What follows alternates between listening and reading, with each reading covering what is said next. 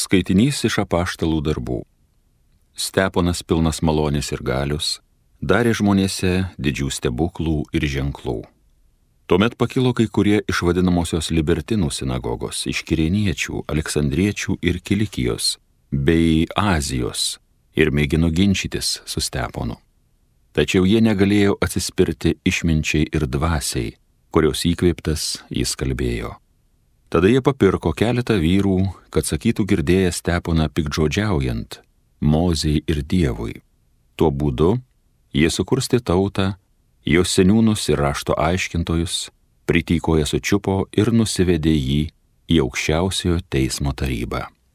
Ten pastatė melagingus liudytojus, kurie tvirtino, šitas žmogus nesiliauja kalbėjęs prieš šventąją vietą ir įstatymą Antai mes esame girdėję jį sakant, kad Jėzus Nazarėnas išgriausias šią vietą ir pakeisęs Mozės mums duotus nuostatus. Visi sėdintys taryboje įsmeigė į jį akis ir matė jo veidą spindint, tarytum angelo veidą. Tai Dievo žodis.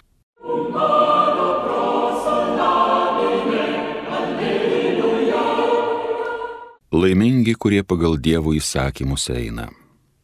Lai susirinkę didžiūnai, savo prieš mane tarės, aš tavo tarnas apie tavo valią mąstysiu. Mane tavo potvarkiai žavi, visi tavo norai man tikri patarėjai. Laimingi, kurie pagal Dievo įsakymus eina.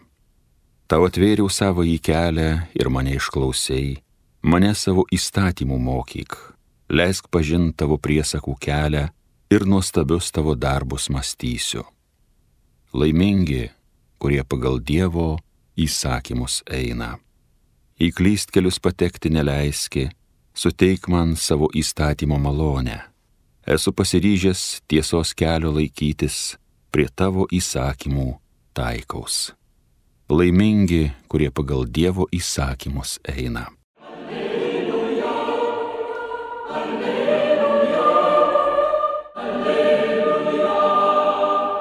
Žmogus gyvas ne vien duona, bet ir kiekvienu žodžiu, kuris išeina iš Dievo lūpų. Alleluja, alleluja, alleluja. Viešpat su jumis. Pasiklausykite Šventojios Evangelijos pagal Joną. Minė buvo senoje ežero pusėje matė, kad ten buvo viena valtis ir kad Jėzus nebuvo įlipęs į valtį su mokiniais, o šie išplaukė vieni. Rytojus dieną iš Tiberiados atplaukė kitų valčių ir sustojo netoli vietos, kur žmonės buvo valgę Jėzaus palaimintos duonos. Sužinoję, kad čia nėra nei Jėzaus, nei jo mokinių, žmonės įlipo į valtis ir plaukė į Kafarnaumą ieškodami Jėzaus. Suradę jį kitą pusę ežero, jie klausinėjo, Rabi, kada suspėjai čia atvykti? O Jėzus prabilo juos. Iš tiesų, iš tiesų sakau jums, jūs ieškote manęs ne todėl, kad esate matę stebuklų, bet kad prisivalgėte duonos iki soties. Plušėkite ne dėl žūvančio maisto, bet dėl išliekančio amžinajam gyvenimui jo duos jums žmogaus sūnus, kurį tėvas, Dievas savo anspaudų yra pažymėjęs. Jie paklausė, ką mums veikti, kad darytume Dievo darbus. Jėzus atsakė, tai ir bus Dievo darbas. Tikėkite tą, kurį jis siunti. Girdėjote viešpatie žodį.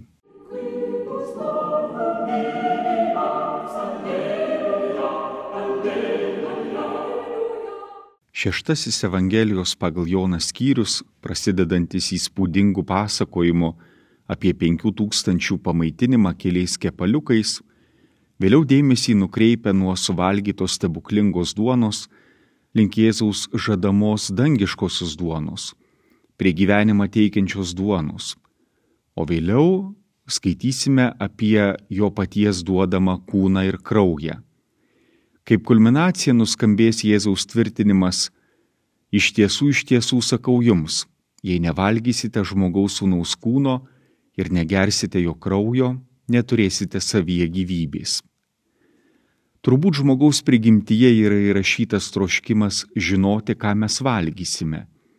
Todėl ir Jėzaus, ir šios dienos Evangelijoje yra klausima, ką turėtume daryti, kad galėtume nuolat gauti tos duonos, kuriai pats viešpats duoda, amžinosios duonos.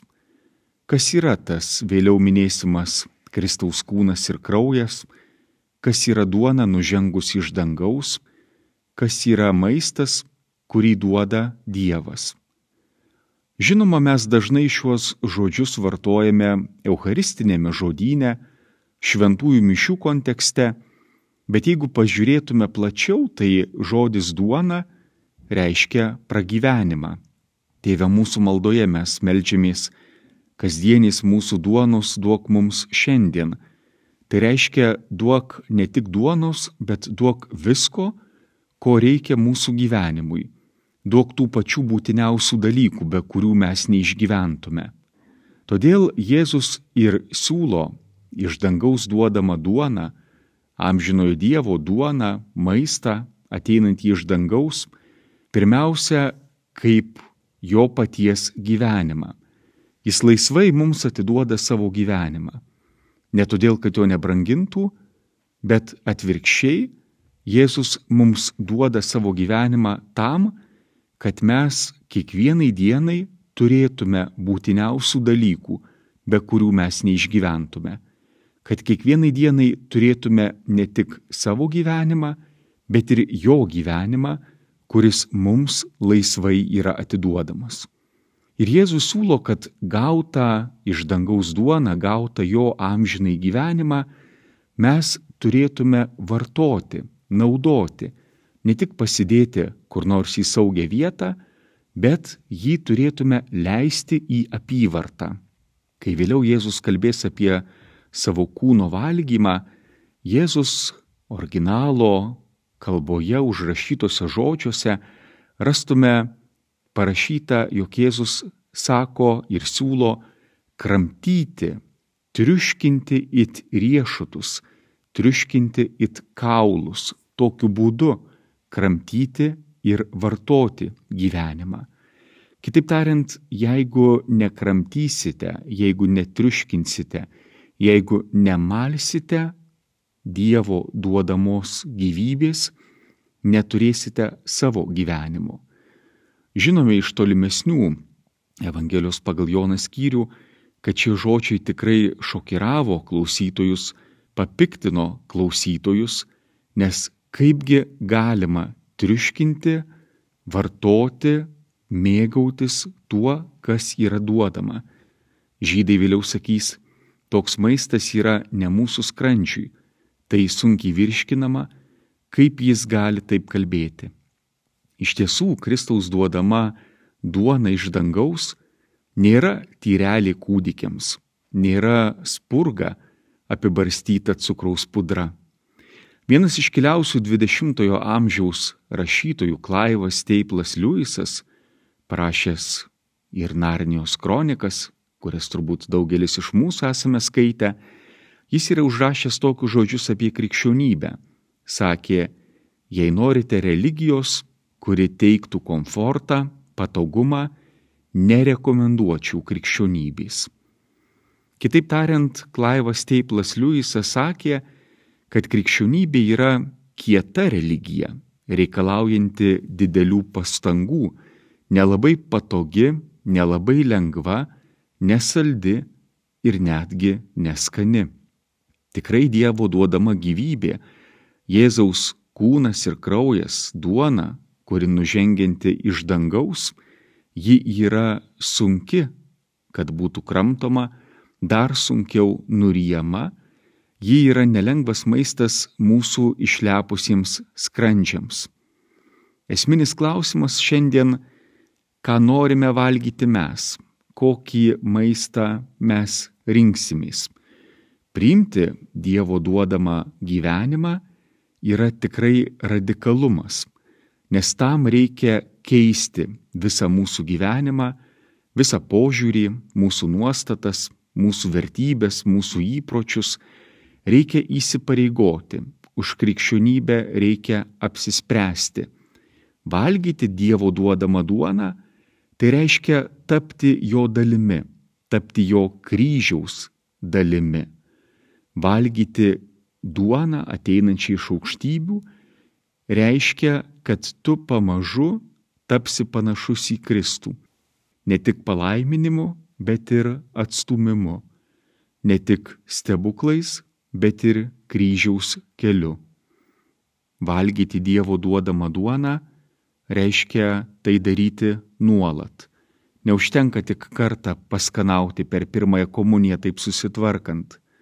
Nepažinsime to tikrojo skonio. Turime nuolat kramtyti, traiškyti šį valgį dantimis per visą savo gyvenimą. Todėl Dievas nuolat ir nuolat siūlo savo duoną ateinančiai iš aukštybių. Jis yra nuolatinis maitintojas tam, kad valgydami jo kūną, gerdami jo kraują, mes ilgainiui galėtume įveikti sunkiausias situacijas, kad įgytume vilties ir drąsos spręsti problemas, kurios atrodė neįveikiamos, kad įgytume ramybės neramiose situacijose. Todėl gyvybės duona tikrai nėra vienkartinis valgys, tai nuolatinis, testinis gyvybės palaikymas ilgalaikio arba net amžino santykio su Dievu kūrimas.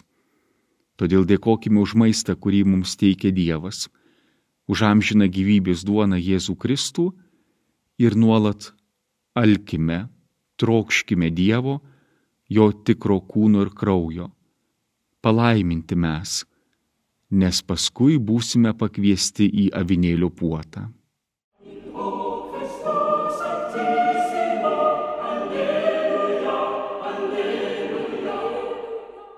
Homilyje sakė kunigas Mykolas Atnečenka.